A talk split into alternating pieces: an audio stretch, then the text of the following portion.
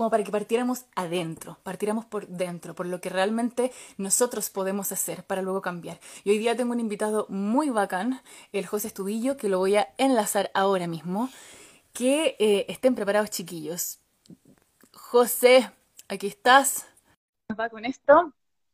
Eh, para ver si nos podemos iluminar mutuamente, vamos a estar aquí leyendo todas sus preguntas, así que atentitos. Hola. Hola, hola. Hola, voy a arreglar aquí para que nos veamos los dos. José, gracias, gracias por, por aceptar la invitación eh, a estos lunes existencialistas. te preguntaba, te preguntaba cómo te, cómo te presentaba.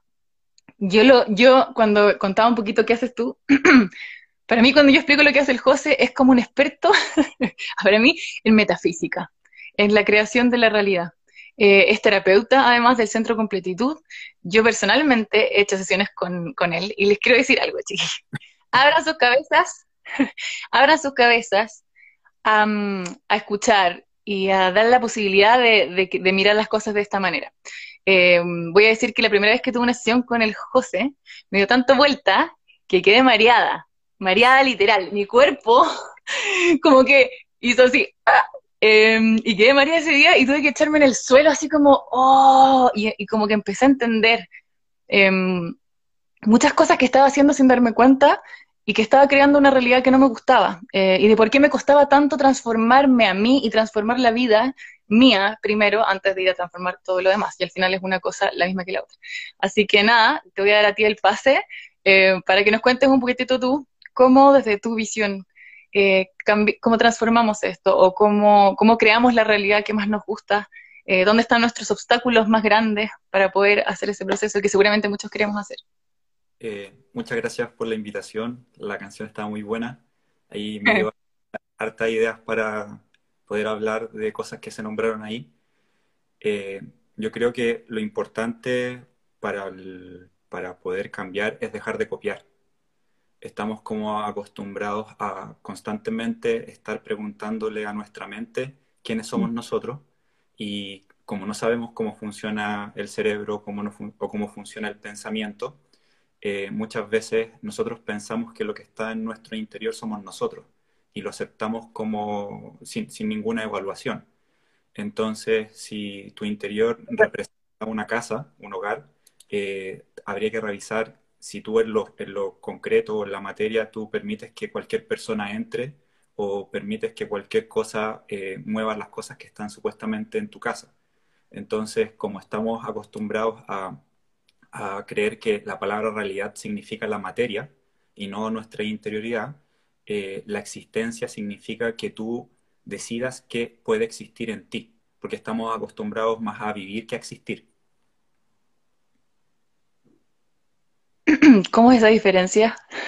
Eh, vivir, vivir puede ser, tú puedes permitir, por ejemplo, que tus uñas crezcan, que vivan, pero si tú no le das el molde de la existencia, pueden crecer infinito. Entonces, eh, tu, cerebro racional tiene una, te contaron lo que significaba vivir. Entonces, tu pensamiento racional lo que hace es que evalúa para que se mantenga eh, una historia en el afuera, para que se mantengan los conflictos, para que se mantenga lo que tú crees que es razón.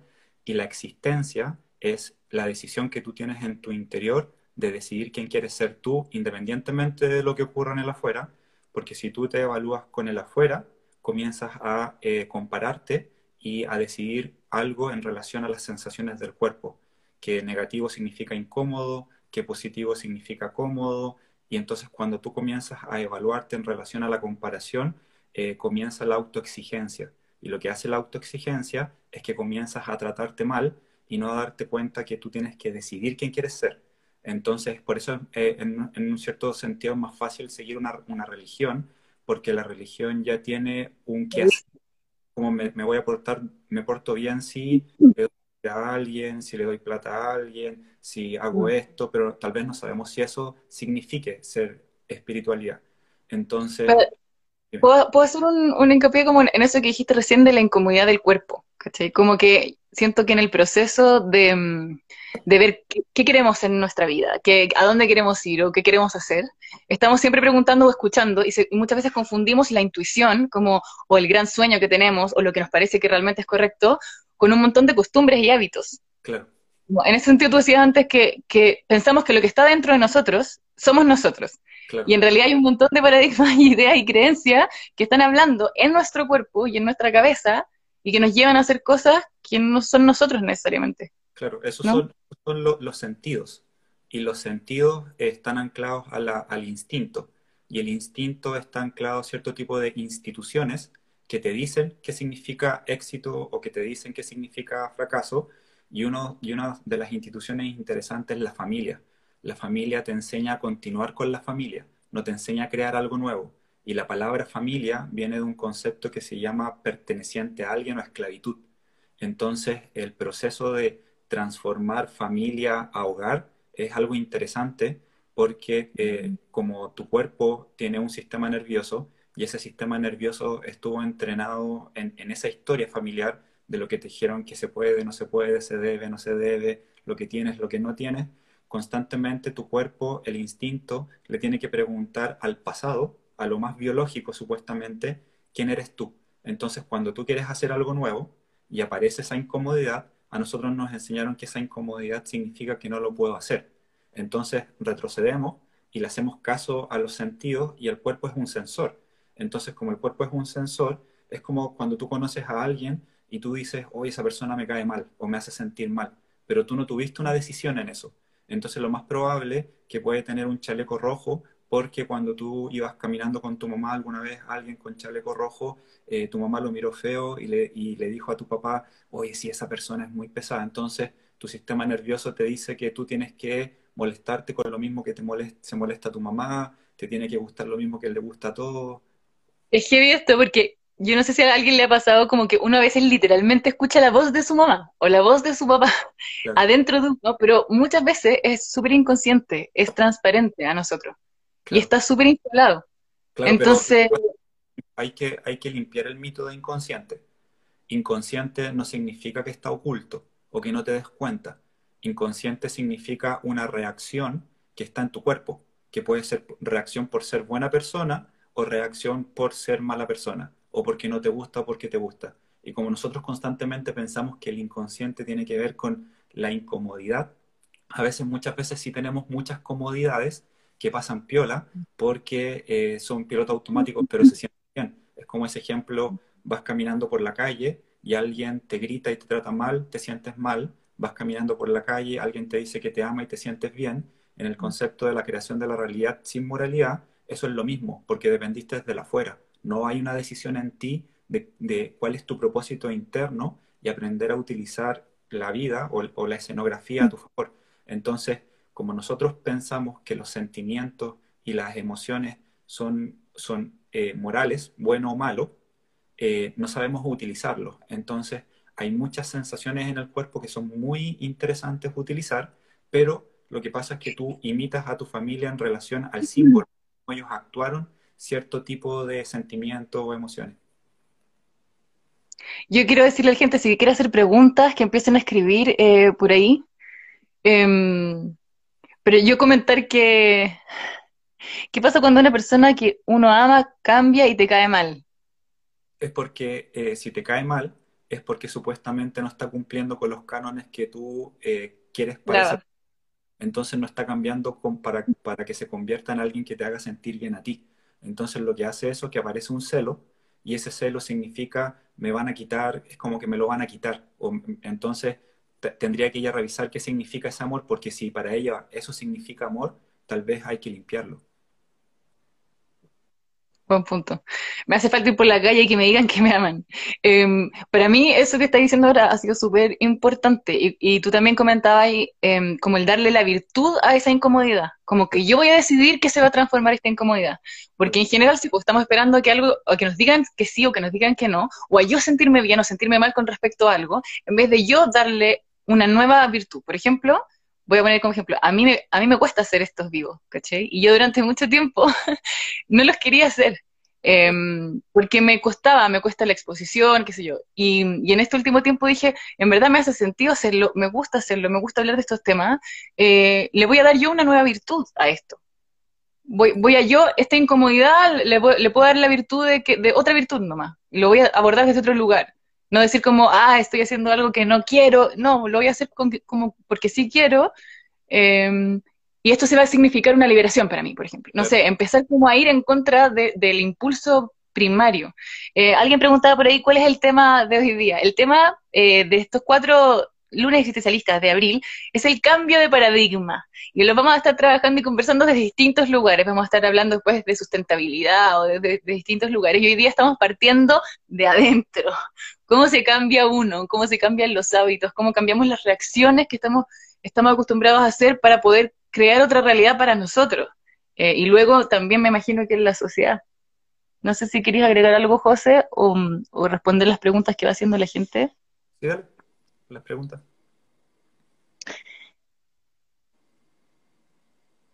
Aprender a soltar, dicen, ¿qué pasa de sentir que quieres como hermana a alguien y de pronto no quieres saber más? Y dejé de hablarle hace cuatro meses. Lo que pasa es que lo, que hay que lo que hay que revisar ahí es que la gente en verdad no tiene un propósito interno para aprender a utilizar las situaciones que ocurren. No hay una meta propia en relación a quién me quiero convertir. Hay una, hay una meta en relación a lo que voy a conseguir de la afuera. Entonces, todas esas relaciones que supuestamente al principio, eh, supuestamente se sintieron... Me daban, claro, bien, me daban todo lo que yo quería. Claro, y después se sienten incómodas, es porque está esa historia de dar por el recibir. No está esa historia en que nos vamos a convertir. Entonces, cuando tú conoces a alguien, tienes que ser muy concreto y contarle lo que significa la amistad para ti o contarle lo que significa el amor para ti y ver si es coherente con lo que tú te imaginas, porque nosotros muchas veces hay cierto tipo de palabras que nosotros damos por obvio. Es como cuando alguien dice que quiere la paz mundial y como que nosotros nos imaginamos que esa persona está pensando lo mismo que nosotros y cada palabra tiene una información. Cada palabra es una vasija, cada letra es una vasija que tiene una información y esa información hay que revisar qué representa para cada persona en relación supuestamente a la historia inconsciente que tuvo. ¿Puedes explicar un poquito eso de las palabras y el lenguaje? Porque, por ejemplo, las primeras veces que yo te, yo te escuché, como que yo sentía que era muy exagerado. Como, ya, pero ¿cómo cada palabra que digo va a ser tan importante?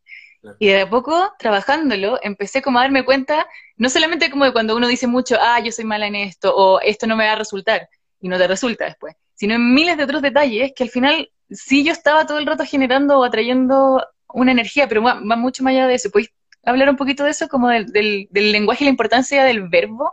Claro. Desde la metafísica. Mira, eh, el, culturas que te cuentan que el verbo se hace carne. Eh, Einstein, cuando hablaba del tiempo, nos contaba que el espacio y tiempo es relativo y mostraba la lengua. Entonces hay una foto donde él muestra la lengua y relativo viene de...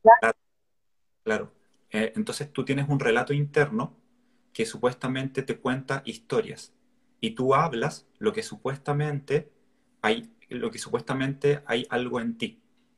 Hay algo en ti que te dice, responde de esa forma, siente de esa forma, evalúa de esa forma, pregunta de esa forma, y eso muchas veces nosotros lo evaluamos por querer tener la razón.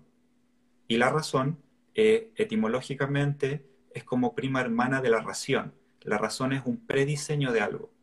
Entonces tú tienes palabras que supuestamente eh, tú nombras y al nombrar esas palabras tú te imaginas que significan algo. Es como el ejemplo que alguien dice que quiere que le salga un trabajo. Entonces está pensando que quiere obtener, pero dice la palabra salir. Entonces hay muchas, hay, hay muchas palabras que nosotros supuestamente hablamos, pero no estamos escuchando lo que, lo que significa esa palabra. Entonces muchas veces nosotros evaluamos la palabra con lo que sentimos. Entonces si yo te digo crisis económica y a ti y, en tu cuerpo se siente incómodo, tú piensas que es algo malo, pero la palabra crisis significa crecer. Entonces, eh, cuando, cuando tú evalúas a, alguien, porque supuestamente esto también es para que nosotros podamos eh, vivir en comunidad. Entonces, si alguien me cuenta algo y a mí me hace sentir incómodo y yo pienso que ese sentir incómodo es lo que me está contando la persona, es porque yo no estoy en ese momento, sino que estoy en la sensación. Y la sensación es una razón, o sea, una ración, un prediseño de lo que mi cuerpo aprendió, de cómo se sentía al escuchar ese tipo de información. Y esa persona se puede parecer a una historia que mi inconsciente lo activó como algo familiar. ¿Y cómo se gestiona ese momento? el momento en que sientes la incomodidad por alguien o por lo que te dijeron, ¿cómo gestiono ese instante? Primero, primero hay que entender. Por favor. Primero hay que entender por qué supuestamente te diste cuenta. Como que me di cuenta que me incomodé. Ah, porque podrían haberme dado cuenta que me incomodé. Claro, claro, tú pudiste darte cuenta que esa incomodidad es la verdad absoluta. Porque tú piensas que lo que estás sintiendo es verdad. Entonces tú quieres defender esa historia. Entonces nosotros no estamos acostumbrados a conversar, eh, a ver el, ver el verso. Nosotros estamos acostumbrados a defender una sensación en el cuerpo. Entonces, si yo quiero vivir en comunidad, primero tengo que estar en comunidad. Por eso existe el ritual de la primera comunión. La primera comunión en realidad se creó para tú estar en primera comunión contigo. Cuando tú estás en primera comunión contigo y te das cuenta que, tienes pilotos automáticos y que hay ciertas cosas que te dan rabia o ciertas cosas que tu cuerpo se incomoda, cuando vas a hablar con alguien y te das cuenta que esa sensación no es la persona, tú puedes llegar a un acuerdo para un bien mayor.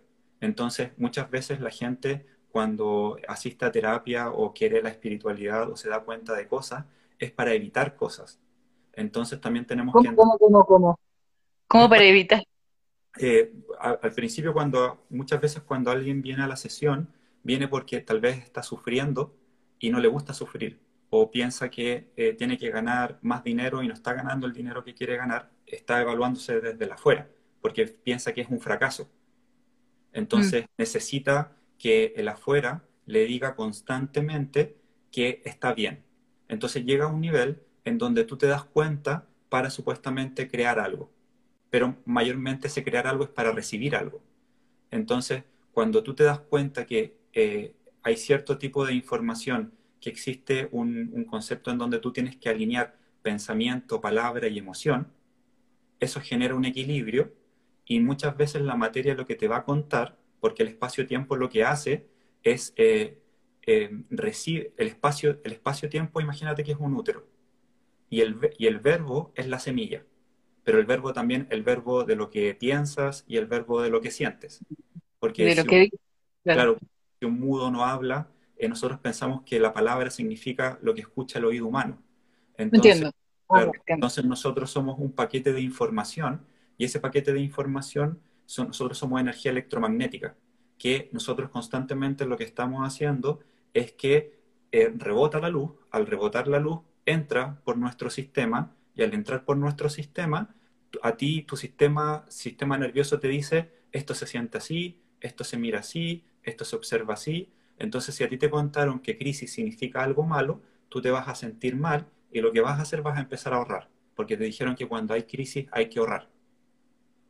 Pero crisis, como crisis significa crecer, lo que estás creando es que estás creando no oportunidades para supuestamente eh, crecer porque va a crecer el desvalorizante. Entonces, lo que hace el universo, que eres tú misma, es que te hace caso sí o sí. Por eso se llama verso, universo. Entonces, como se llama universo, se llama Dios o logos, que es la luz. Logos, por eso se llama biología, la, lógica. La lógica viene de logos, de lo que tú hablas. Por eso se llama estereotipo, tú escuchas estereotipos, personalidad, por donde suena. Todo es constante sonido, sonido y vibración. Entonces, cuando tú te das cuenta de los sonidos que hay en tu interior, puedes darte cuenta de los sonidos que reflejas en la materia. Oye, hay un montón de preguntas, pero más me dan ganas de comentar lo que estáis diciendo. Es que una vez me acuerdo que tú dijiste como, em, en el fondo, esa semilla que uno envía no es solamente el verbo de lo dicho, como decís tú, sino que es lo que yo siento, lo que yo, lo que yo proyecto, lo que yo pienso. Entonces tú decías como, si, si sentís que te enseñaron a ahorrar porque no sé qué, gasta o Norri, eh, como que empieza a generar abundancia o a hablar de la abundancia. Y yo decía, ya, qué volado, no sé qué, y lo empecé a hacer. Y funcionó. De verdad, tengo que decirlo, chiquillo, es importante esto, porque como que a mí me parecía al, principio como todo muy, em, como me costaba, me costaba como eh, creerlo. Y de repente dije, ya, a ver qué pasa si lo hago. Y, me cambió todo mucho. Eh, como desde el sentir, ya no me sentía en carencia todo el tiempo, por ejemplo, ¿cachai? Y como que empiezan a aparecer y fluir las cosas de otra manera. Es muy interesante eso. Preguntaban por ahí cómo hacer para, para, respecto a las sensaciones incómodas, las voces ancestrales, ese linaje, como estamos llenos de creencias, paradigmas familiares eh, que están dentro de nosotros y como decíamos recién, a veces son súper invisibles. Em, lo que pasa es que no, tiene que ver tanto con eso, sino que tiene que ver cuánto tú quieres cambiar. Porque si tú quieres cambiar, cambiáis. Si no quieres cambiar, podía agregar súper invisible, súper intenso, ancestral. Entonces utilizáis palabras para que suenen difícil no cambiar. Porque tú también podéis decir que están a tu favor. De nuevo, está a tu favor. todo, eso que tienes dentro. Claro, lo que pasa es que nosotros tenemos una historia en nuestro interior que se llama la justificación. Entonces, lo que tú nombras, tu cuerpo lo cree.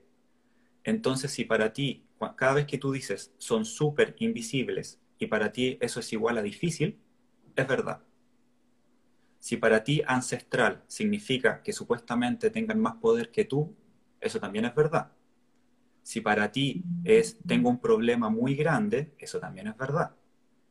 ¿Se entiende? Entonces lo que tú hablas te va a mostrar tú quieres cambiar o no quieres cambiar. Entonces el tema no es tanto, no es tanto el concepto de lo difícil de algo. El tema es si quieres hacerlo. Entonces, como tu piloto automático te conoce tan bien, todo tu sistema de creencias te conoce tan bien y te maneja por historias que te muestra y te maneja por sensaciones, es, eh, tu, ego es un especialista en ti. Entonces hay que aprender a utilizarlo. Pero ¿qué pasa? Que nosotros evaluamos las cosas con sensaciones de bueno o evaluamos las sensaciones con malo. A mí eso fue muy fundamental, muy fundamental. Como que de verdad para mí fue un cambio muy grande eh, y muy maravilloso, chiquillos, también quiero decirlo. Em, dejar de, de pensarlo así. Estoy tratando de leer las cosas que además escriben, pero no, no, tengo mucha capacidad de leer las cosas al mismo tiempo. Dejar de hacerle caso a eso, a lo incómodo es malo. Lo que siento bien es bueno. Eh, y tomar decisiones basado a eso, o juzgar a las personas, o seguir siempre esa ruta. porque desde ahí no hay salida. Ahí siempre hay que constantemente evaluar, porque eh, eh, la gente piensa que la espiritualidad tiene que ver con el concepto de aceptar cualquier cosa pero igual vas a, tal vez vas a tener que decir que no, vas a tener que eh, poner límites, obvio que hay que poner límites, entonces eh, no, significa eh, estar con alguien y aceptar que te desvalorice. Lo más, es como, por ejemplo, hace un tiempo atendí a una persona que él vivía con alguien y él decía que si él cambia, su compañero de casa iba a cambiar y iba a ser más ordenado, supuestamente. Yo le dije, ya prueba, duró un mes, conversó con él pero en verdad el juego que él quería, él era vivir en, un lugar propio, no quería compartir hogar. Entonces lo que, el trabajo que él que tenía que hacer era decirle que no, que, que no. Pero ¿qué pasaba? Que su mente lo que hacía es que desvalorizaba al amigo. Le decía es que no va a encontrar algo, es que no va a contar historia, es que eh, se va a sentir mal. Entonces a él le enseñaron que decidir significa que él es el verdugo de la persona que va a decidir. Entonces, revisamos en su historia y en su historia la mamá en un cierto sentido utilizaba el victimismo para poder manejarlo. Entonces, ¿qué hacía él? Como su psiquismo representaba ese hogar en esa historia, era aprender a decirle que no a la información que estaba en su pensamiento, tomar una decisión, pero siempre es evaluar porque si aparece un perro y veis que te va a morder, lo más probable es que hay que correr. claro, entonces hay que, hay, pero hay que darse cuenta que te tienes que dirigir en relación a em, el propósito que tú tienes en tu interior. Pero nosotros confundimos propósito con materia, con la, con la producción. Entonces muchas veces nosotros queremos encontrar el propósito en la vida en relación a la materia y no a la experiencia. Entonces nos tenemos que dar cuenta que la materia es un holograma, es, un, es una historia es un pasado, porque la materia ya es el resultado de algo, entonces como es el resultado de algo, nosotros queremos tener el resultado de algo. No queremos vivir la experiencia de agregarle una nueva virtud a ese ahora. Pero estamos buscando un resultado, pero el resultado es un resultado. O sea, necesito hacer el proceso anterior o no, para que haya un resultado. En verdad lo que nosotros queremos es sentir algo. Y a nosotros no, nos enseñaron a crear el sentir, nos enseñaron a que nosotros sentimos según lo que tenemos. Por eso muchas, muchas marcas de bebidas o muchas marcas de ropa te hacen sentir que tú necesitas esa ropa. ¿Cachai? Pero ahora, ahora son más brígidas porque ahora trabajan como con la psicología y ¿cachai? Hoy día estamos hablando de eso. Como que antes te decían qué rica es la bebida, ahora te dicen como tú puedes más, el mundo, y te empiezan a hacer toda una bola psicológica para que finalmente, no, no, ¿cachai? No tiene que ver con eso, sino que te está mostrando cuál es la evolución de tu interior.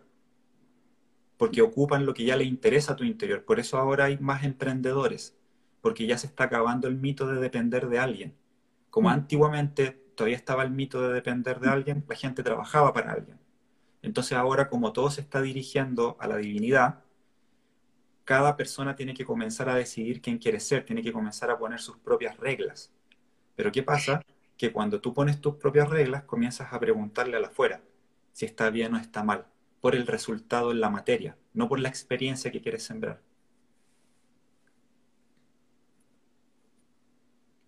Qué importante. Y por eso, y por eso no, no se nos ocurren cosas nuevas, porque le estamos preguntando a la afuera que está de moda para ver qué ganamos. Entonces utilizamos la, creatividad con la necesidad, no con lo necesario eh, para construir algo nuevo. Porque evaluamos por el cálculo de, pensamiento de mm. cuánto vas a ganar o cuánto vas a traer. constantemente estamos pensando eh, eh, en la masa ¿cachai? No estamos pensando en que la masa es el resultado de algo, que es un tipo de información, pero que la masa es, eh, la masa es un, es un resultado y que hay un proceso antes que se llama la fusión de la energía con la información.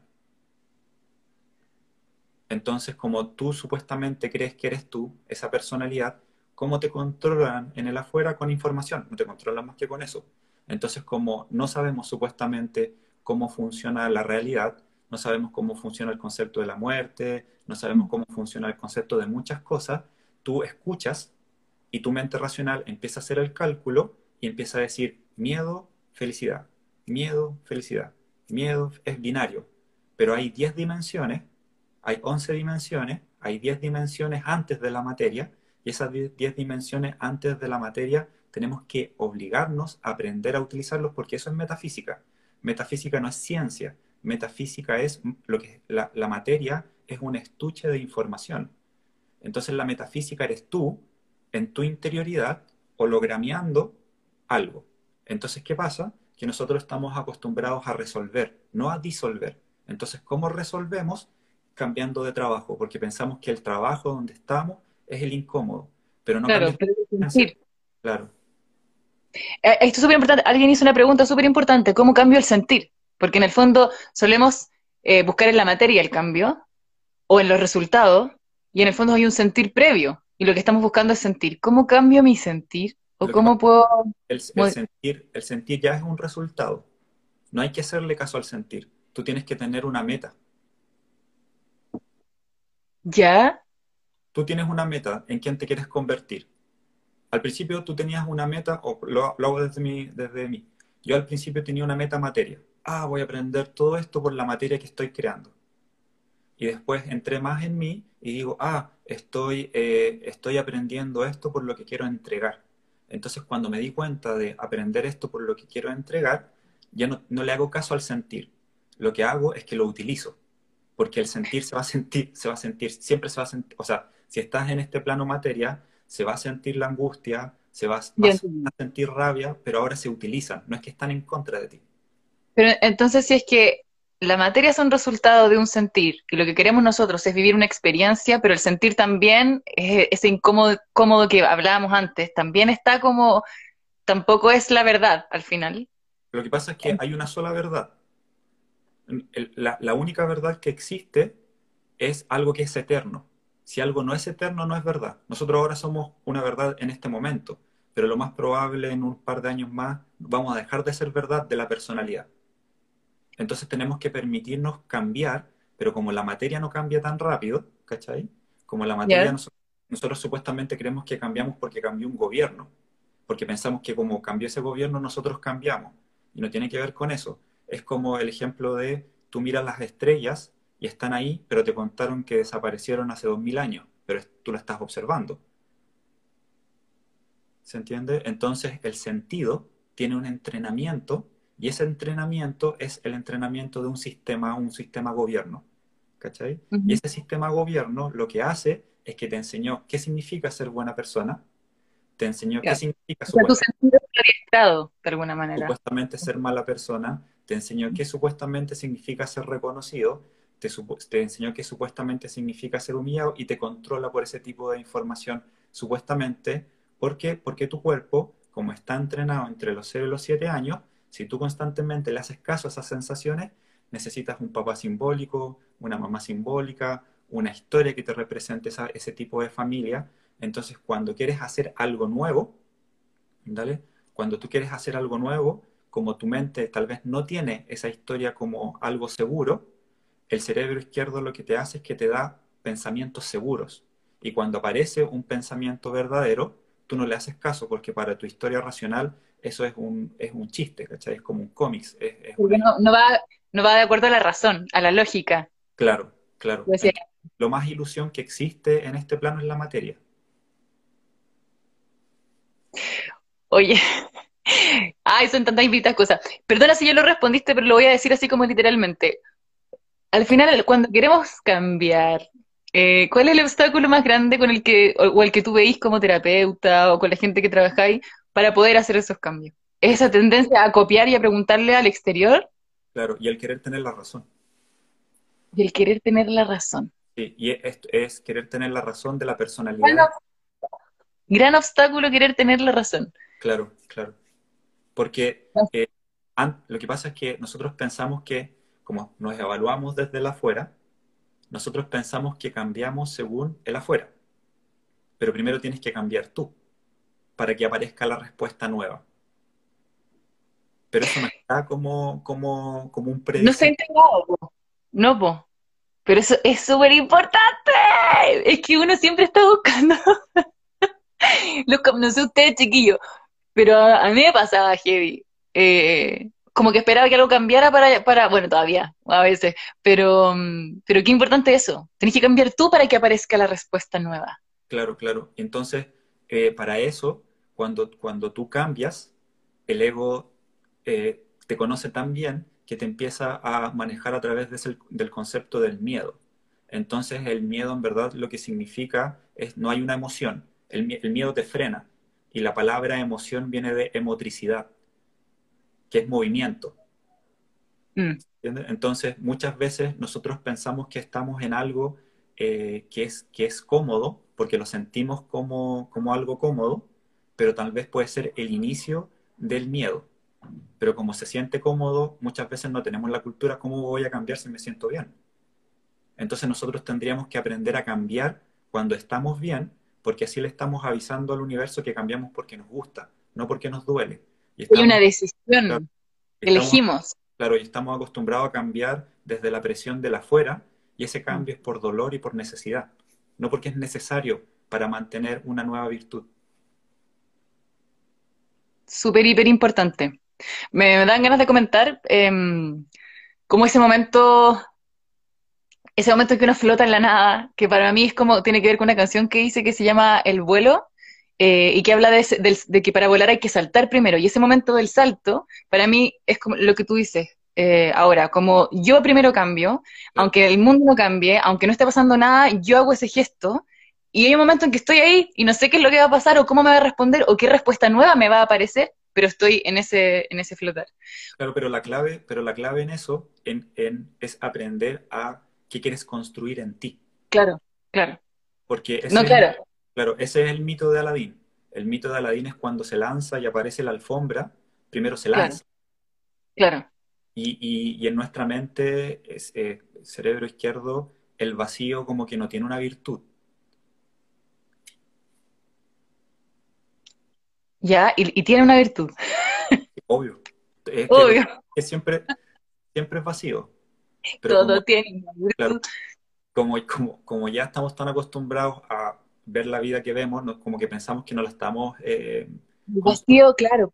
El vacío es malo, el vacío es carencia, eh, lo lleno es bueno, y no, pues, nada que ver, no necesariamente. Oye, eh, alguien me, decía por ahí, me preguntaba, Vero, cambia cómo, cuenta cómo, chuta, como que esto se pone medio lento y ya no sé, oh, hay caleta de comentarios que no estoy, tú los puedes leer. A mí a veces se quedan como medio pegados y como que no sé si... Tal vez tienes que empezar a subirlos, porque y ahí llegas al primero y al último. Oye, es que alguien preguntaba por ahí, cuenta cómo cambiaste, cómo, cómo lograste cambiar. Y quiero decir, como que, así como, oh, que logré. Bueno, estoy en eso, estoy ahora eh, cambiando. Pero, mm, pero para mí una de las claves fue el trabajo de la voluntad. Heavy. Eh, me acuerdo que tú me decías como, cumple tu palabra, cumple tu palabra. Y yo soy súper relajada, siempre relajada, como ya, no, sí, hagamos esto a las 5. Y no, pero puede ser a las 5 y cuarto. No, pero como que siempre todo era muy borroso. Y al final, la vida, porque el José dice, el universo no tiene áreas, no tiene áreas, es todo, como, es todo lo mismo. Entonces, si uno no cumple con uno, el universo, o sea, ¿cómo te va a cumplir el mundo? ¿O cómo van a pasar las cosas? ¿O cómo eh, si yo no cumplo con, mi palabra y, no, y no tengo la voluntad para hacerlo. Para mí la voluntad fue una de las claves que todavía hay, y me di cuenta que no tenía voluntad, no tenía ninguna. O sea que me costaba mucho. ¿Podías hablar un poquito de eso, de la voluntad? Porque como que en general es fuerza voluntad para, para poder hacer estos procesos, creo yo, ¿no? Claro. Eh, cuando, cuando alguien se esfuerza en la materia, o sea, tiene ese concepto de esforzarse en la materia por lo que va a recibir, es porque no tiene voluntad interna. Entonces la palabra voluntad viene de volumen y también viene del lumen, que significa luminaria, la luz, cómo tú, cómo tú te enciendes a ti, a ti misma. Entonces, sí tienes voluntad, pero tienes voluntad para mantener lo anterior. Es como eh, atendí a una persona que, me decía, o sea, a varias personas que dicen que no se pueden concentrar, ¿vale? Pero se concentran cuatro horas, cinco horas, seis horas en quejarse. O sea, sí tiene la voluntad para quejarse. Todo lo que tú crees que supuestamente no tienes, lo tienes, pero está programado, está diseñado para mantener la personalidad del pasado. Chan, chan, chan. Entonces, cuando tú inicias algo nuevo, como hay historias, como hay mitos que supuestamente están en, nuestro, en nuestro psiquismo, cuando tú inicias algo nuevo, aparecen tres, como tres límites que es la justificación, el combate hacia afuera y la espera. Y muchas veces nosotros confundimos la espera con la esperanza.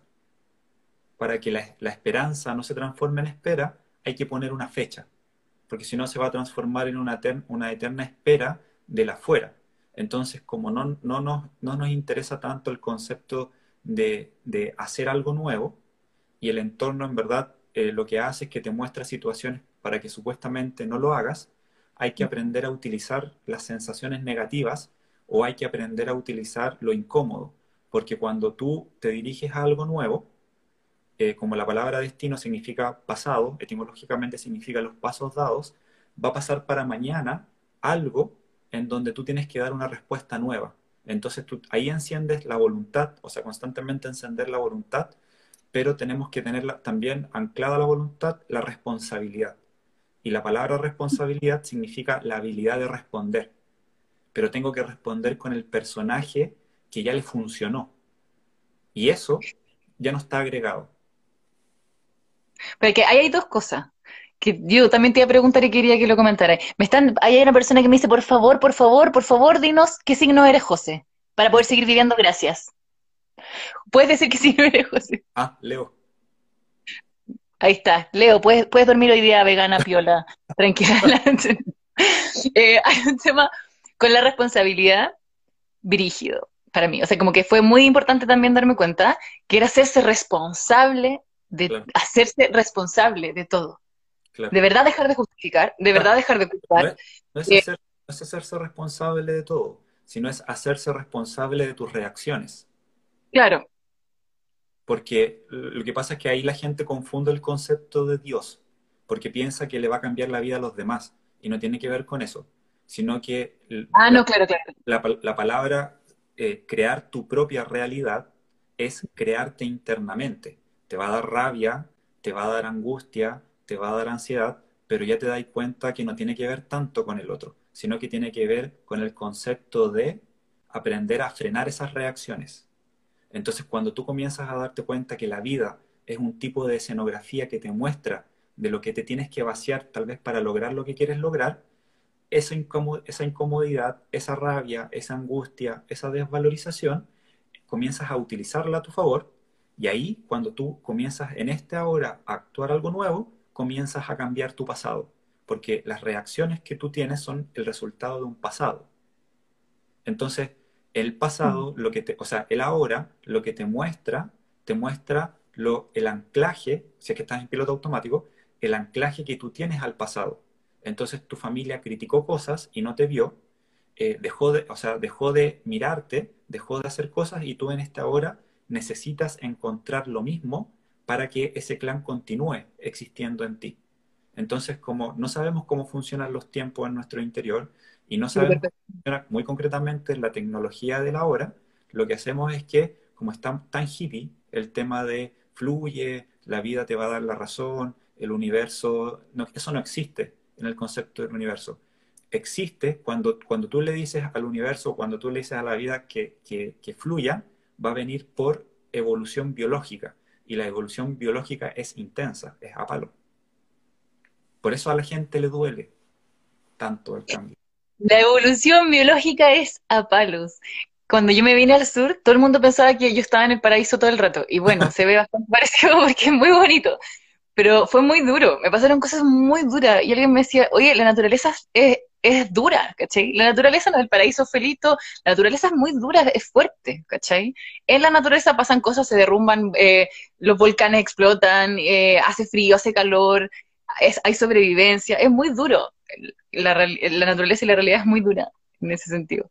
Em, no sé si hay más preguntas.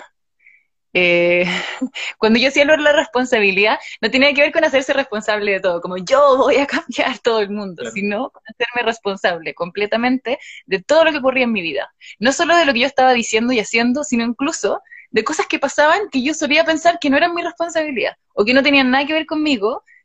Y finalmente me fui dando cuenta que eran perfectas, pues. Eran perfectas para que yo siguiera cumpliendo con, todas mis, programaciones. Eh, o como que empezaba a traer cosas. Eh, y eso fue un tremendo paso, hacerme responsable también de cosas que supuestamente yo no hacía, pero que venían a mí de alguna manera. Por eso hay que entender la palabra perfecto. ¿Ya? Porque lo que hace eso es que nosotros pensamos que lo perfecto es lo que te contaron que tú tienes que actuar para pertenecer a algo pero la palabra perfecto significa por el efecto. O sea, yo tengo que aprender a manejar mis afectos. Darme cuenta que hay una incomodidad, darme cuenta que soy imperfecto, entro por ese, ese efecto, lo, lo controlo, lo manejo, y aunque no, aunque no haga lo que mi mente me, me, dice que yo tengo que hacer para supuestamente lograr algo, ya ese momento lo, lo transformé en algo perfecto porque lo pude manejar en mi interior. Y como hay una ley que significa, o sea, que dice que eh, existe la ley de causa y efecto, cada vez que tú manejas tus afectos, todo lo efecto, comienzas a darte cuenta que la materia te va a empezar a mostrar cierto tipo de interés, porque lo que le interesa a la materia es la persona que existe,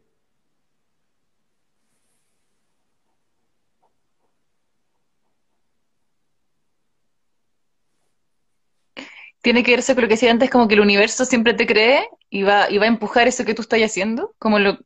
Lo que pasa es que al universo le interesa lo nuevo, no le interesa lo antiguo. Por eso lo antiguo lo desintegra.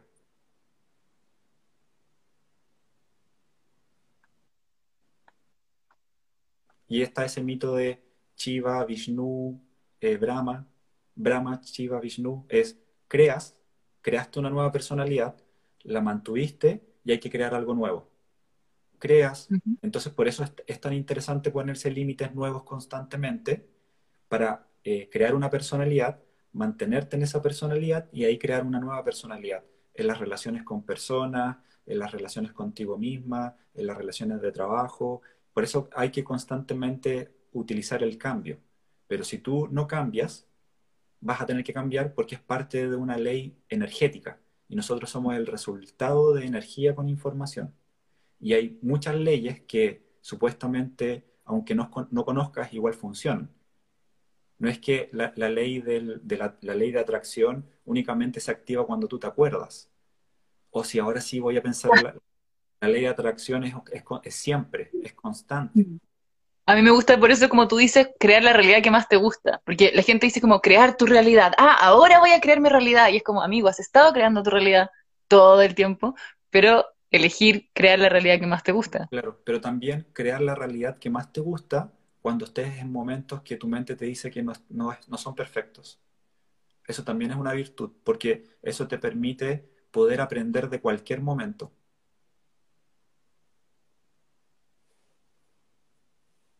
Wow. Em, hay muchas, dicen, ¿puedes contarnos más de la ley de atracción? No sé si tú estás viendo las preguntas, José, ¿tú las lees también o solo yo? Tú también las lees, ¿verdad? Sí, las leo. También, también había alguien que comentó algo que me gustó mucho, que tenía que ver con la gratitud, con em, como enfocarse en lo que faltaba, en vez de agradecer todo lo que había avanzado o todo lo que sí estaba logrando. Em, ¿Cómo veis ese tema de, la gratitud? Del... Lo, que pasa es que la gratitud no tiene que ver tanto con lo que te falta, porque si tú agradeces lo que te falta, va a mantener esa falta. No, pues agradecer lo que ya tienes o agradecer lo que hay. Lo que pasa es que la gratitud, cuando sube de nivel, es lo que tú tienes para compartirlo. O sea, si supuestamente Dios es amor y el, amor es una tecnología que entrega, Dios es creador, entrega, ¿se entiende? La gratitud tiene que ser en relación a yo necesito eh, nueva experiencia, la vida que me gusta, pero tengo que agregar al todo somos uno. O sea, tengo que agregar quiero tener una casa con patio para invitar a gente a un asado, a disfrutar, eh, quiero eh, eh, tener más cantidad de dinero porque con eso puedo comprarme mejor, mejores cosas para que la gente se sienta más cómoda. Entonces, como muchas veces la gente quiere dinero para poder sobrevivir, tiene un límite, porque es por necesidad. Entonces, vibracionalmente, tú atraes información, entonces el pedir con el, ser Dios, no, como que no están unidos. Porque el que pide es porque simbólicamente está pensando que necesita algo de la materia. ¿Ya? La gente piensa el dinero en relación a lo que está recibiendo de la afuera. Espérate, es que tengo una duda. Cuando tú dices, entonces no deberíamos pedir, por ejemplo, si uno pide, si uno está meditando y pide fuerza o pide algo, ya el hecho de pedir tiene como esa connotación como de... Tienes que activar. Activarlo, o sea, dejar de decir, pido ayuda para, porque yo no puedo, en el fondo estoy diciendo no puedo, no, necesito, no tengo. lo que pasa es que aún así igual los vas a activar. tal vez estás preguntándole a una especie de mito que mm. puede estar disfrazado con papá, apóyame o mamá, apóyame. Y si, lo, si crees que funciona de esa forma, obvio, lo tienes que hacer pero también tienes que darte cuenta que va a llegar un momento en donde tienes que activarlo.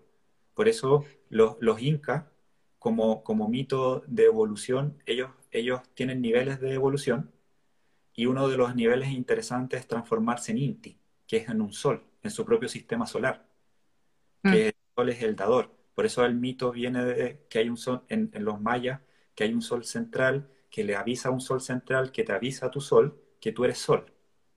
Entonces el sol lo que hace es que entrega calor, no es que recibe el calor, lo recibe pero desde el interior. Mm. Entonces cuando yo eh, me doy cuenta que entrego constantemente, eso genera una virtud, pero el, de vuelta no es voy a, voy, a, voy a esperar que alguien me dé, sino que voy a esperar que alguien también se transforme, o sea, no esperar, sino que si la otra persona quiere dar, también le permito que sea sol o sea que también entregue, pero, pero, para que se transforme en Dios, no porque me debe algo. Mm. Entonces, si dos soles comparten, eso ya genera una galaxia. Y como ya genera una, como ya genera una galaxia, y galaxia también viene de garganta. Entonces hay que comenzar a, a... La voz, de nuevo. El decir, el verbo. Claro me diste vuelta con esto, ¿cachai? Que estoy tomando ahora, yo trabajo con la voz, hago clases de canto y, como que dije ya, yo quiero saber más de esto y empecé a tomar talleres. Eh, como estoy muy en el rollo de la voz todo el tiempo y de cómo la voz crea todo el rato. Y la galaxia me acaba de dar una imagen tremenda para eso. desde el canto, desde la música, no solo desde el decir.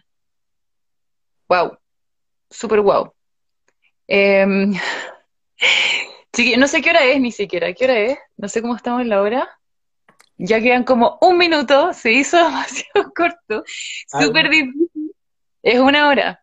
Eh, es súper difícil resumir tantas cosas, em, pero yo los quiero invitar a todos, si es que no lo conocían al José, a que lo sigan y a que se den la oportunidad de hacer una sesión, em, porque cuando uno aplica todo esto, pero lo mira con lupa en la historia de uno, es ¡Wow! Así, muy heavy.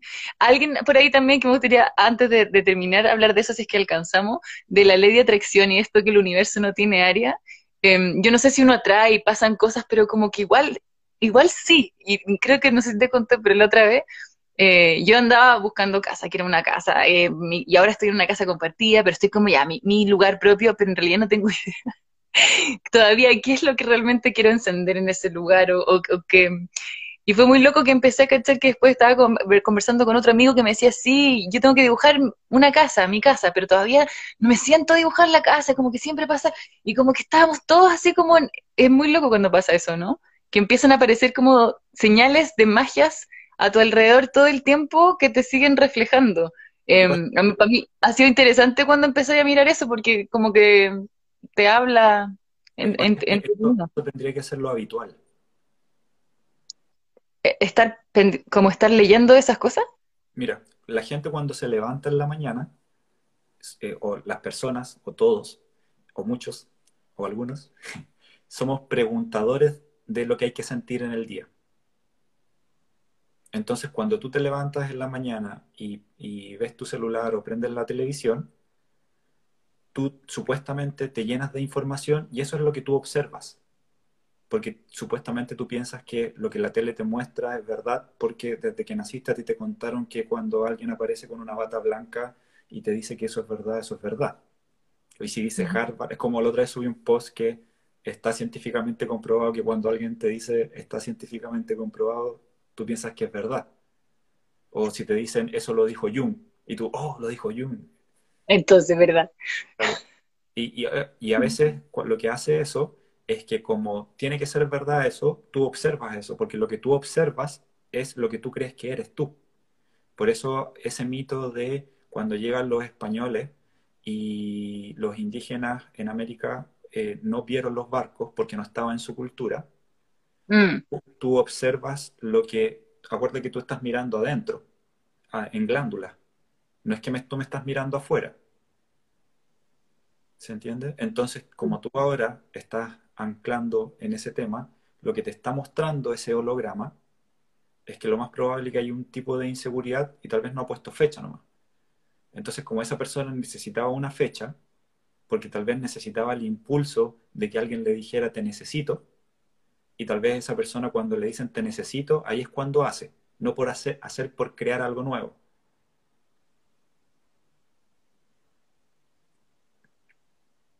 Entonces, si nosotros queremos crear una nueva información, hay que ser rebelde pero con sabiduría. Porque la, porque la rebeldía por claro, porque la rebeldía por rebeldía lo que hace es mantener el mismo sistema. Cuando tú te enojas con alguien, es porque tienes la misma, tienes el mismo pensamiento de la persona de la cual te enojaste. Y eso, dejar de querer tener la razón en eso es intenso.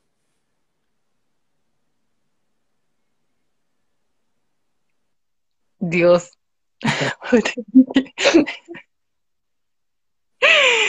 ¡Ah! Em, bueno, ya, pero espérate.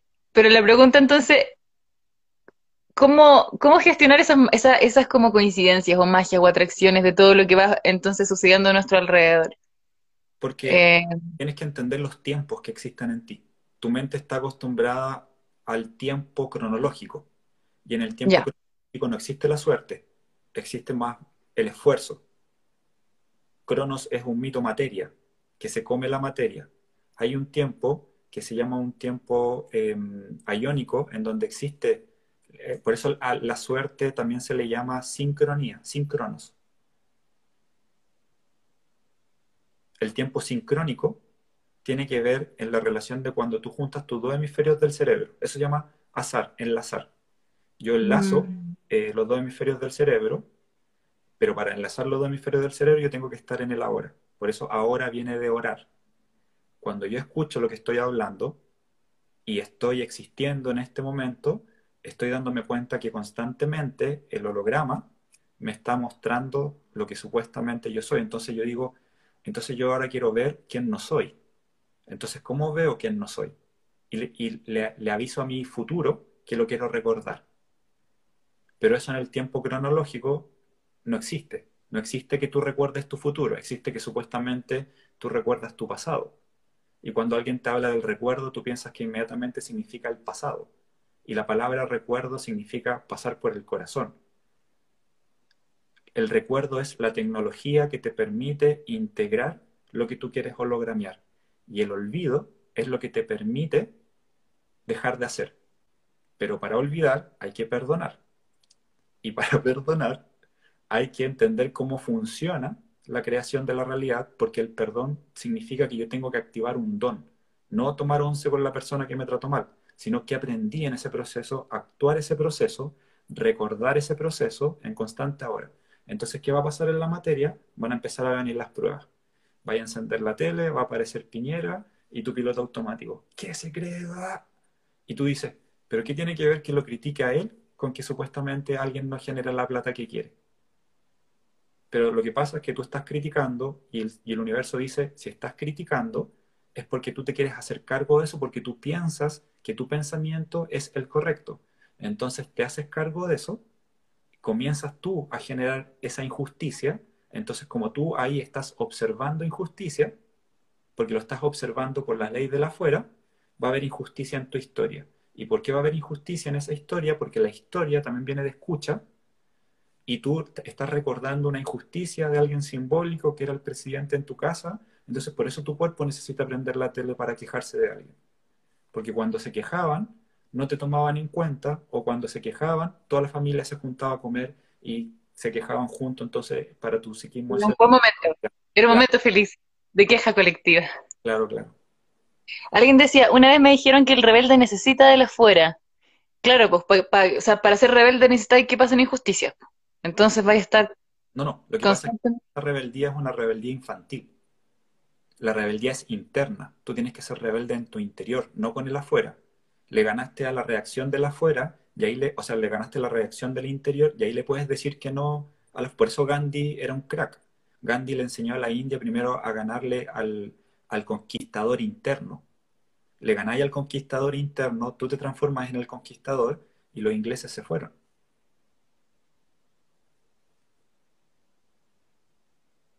Conchito Perdón. Perdón, perdón, perdón. Es que muy fuerte eso, es verdad, po. Por eso él, aplicaba... acá todo, pero es que claro, lo logró vencer. cuando él aplicaba la no acción, era la no acción de la afuera, pero sí accionaba en el interior, porque hay que aprender a frenar el, el víctima, el salvador, el victimario, ¿cachai? Me parece muy hermoso e importante eh, darse cuenta de esto. Porque justamente, pues, queremos cambiar paradigmas, queremos cambiar el mundo y lo tenemos que cambiar adentro. Y, hemos estado replicando una y otra vez el ir afuera, el criticar afuera y el desesperarnos y deshacernos en, miles de instancias y cosas afuera y, es, es así, y es aquí, ¿cachai? Eh, resolver no funciona, disolver sí disolver significa... Están tomando De nuevo. resolver. significa que va a volver a ocurrir, va a volver a re. Mm. ¿Vale? Wow, wow, wow, ok. Disolver significa que supuestamente no va a ocurrir.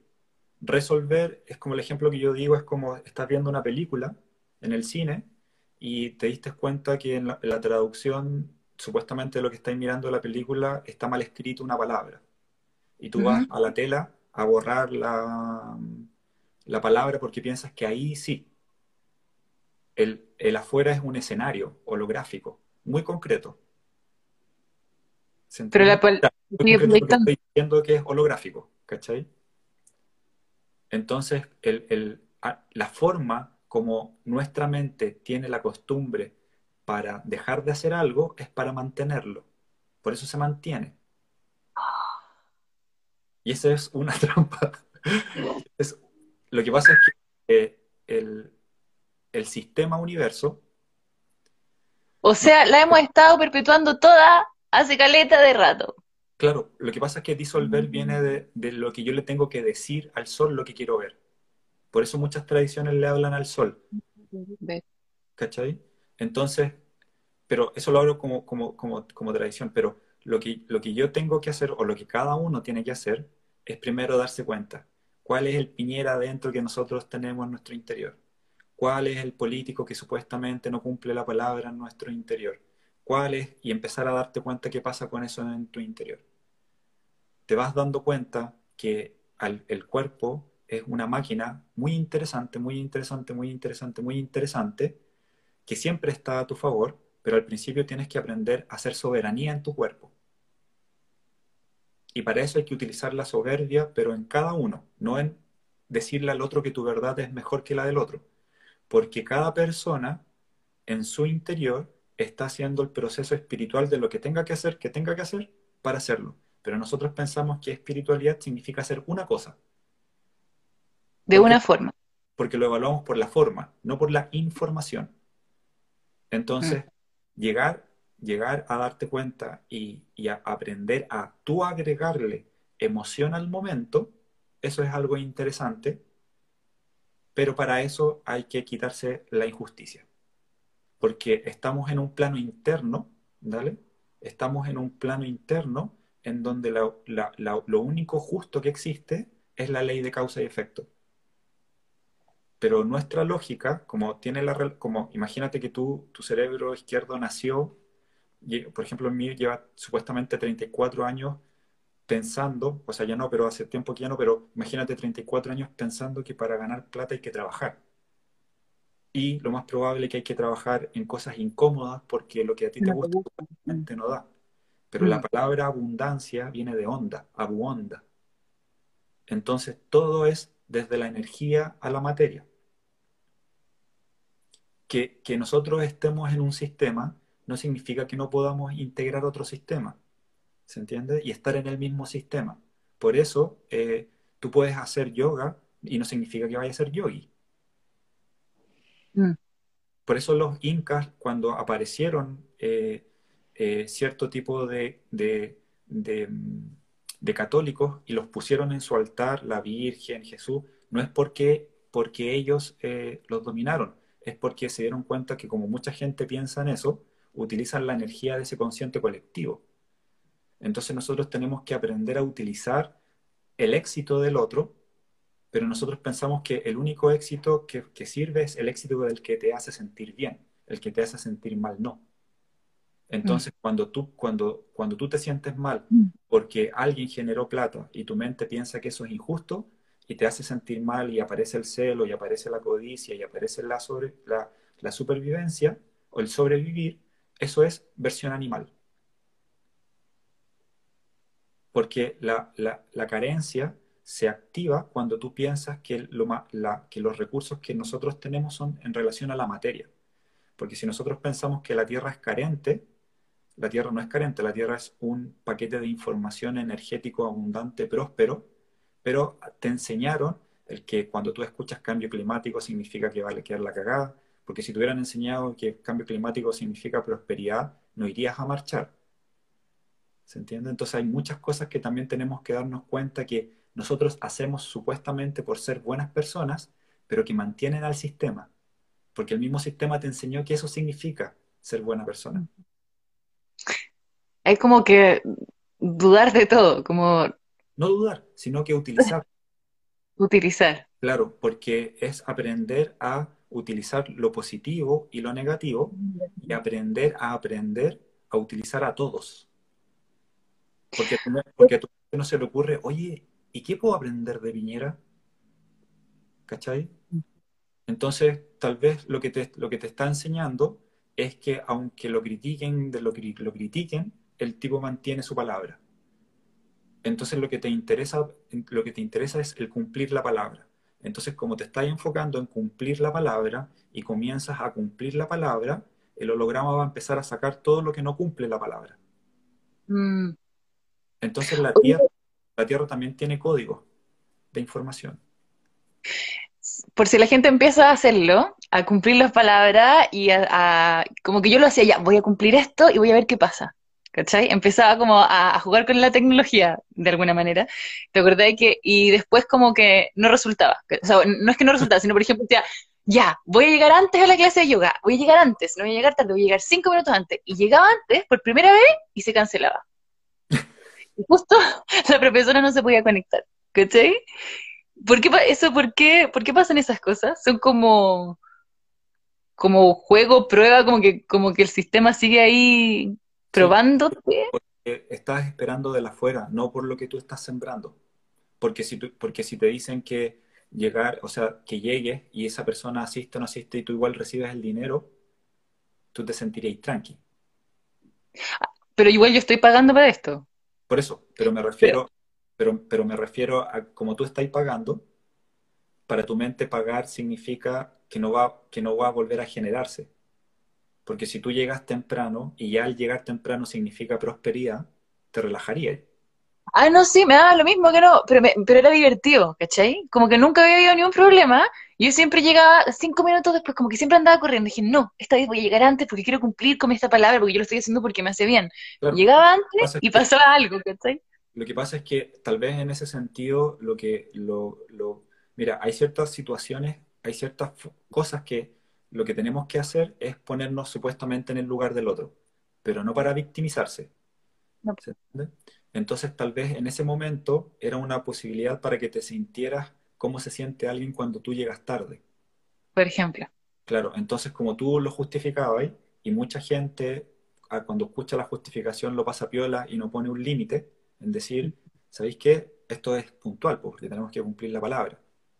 Entonces, aprender, claro, aprender a entregar información a la materia eso comienza a generar una virtud. Nosotros esperamos a lo que nos dice el afuera para ver cómo nosotros supuestamente nos evaluamos. Mm. Entonces, como tú, como tú supuestamente llegabas tarde, tú a la materia la, acostumbraste a esa, a esa mm, información. Mm.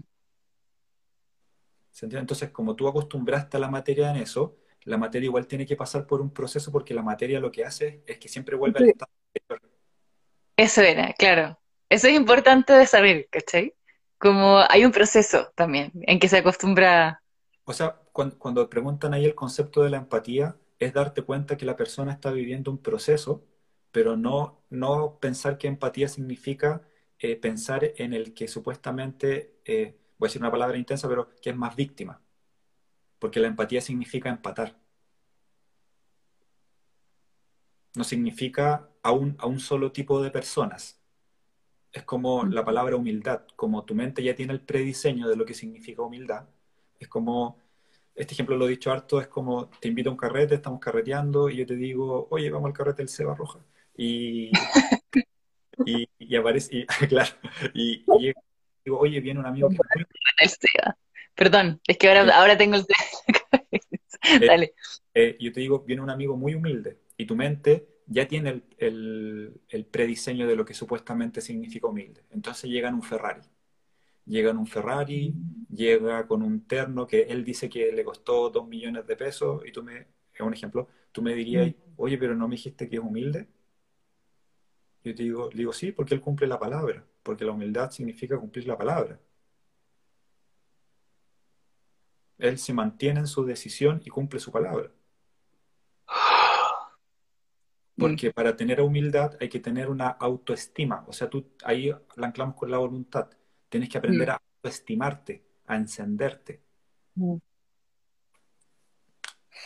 Qué loco que se me viene a la mente otra cosa que tenía que ver como con lo que uno relaciona con espiritualidad.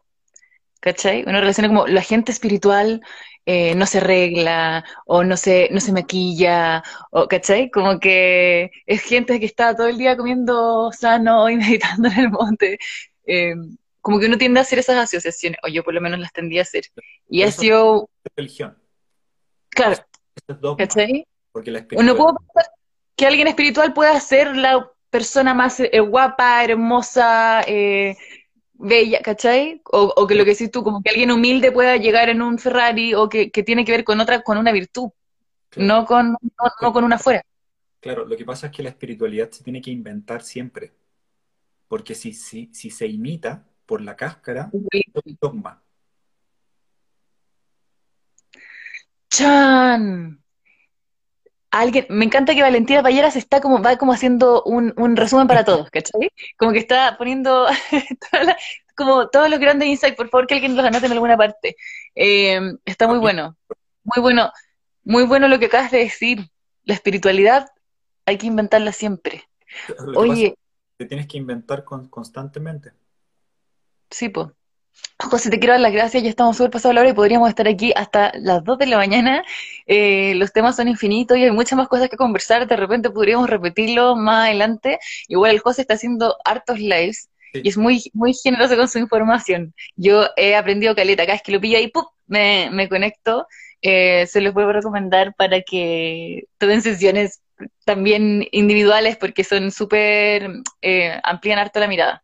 Y también tengo un podcast por Spotify, así que ahí en, mi Instagram está el link y todo eso. Para que, lo sigan. Gracias a todos los chiquillos que nos acompañaron, son infinitos los temas.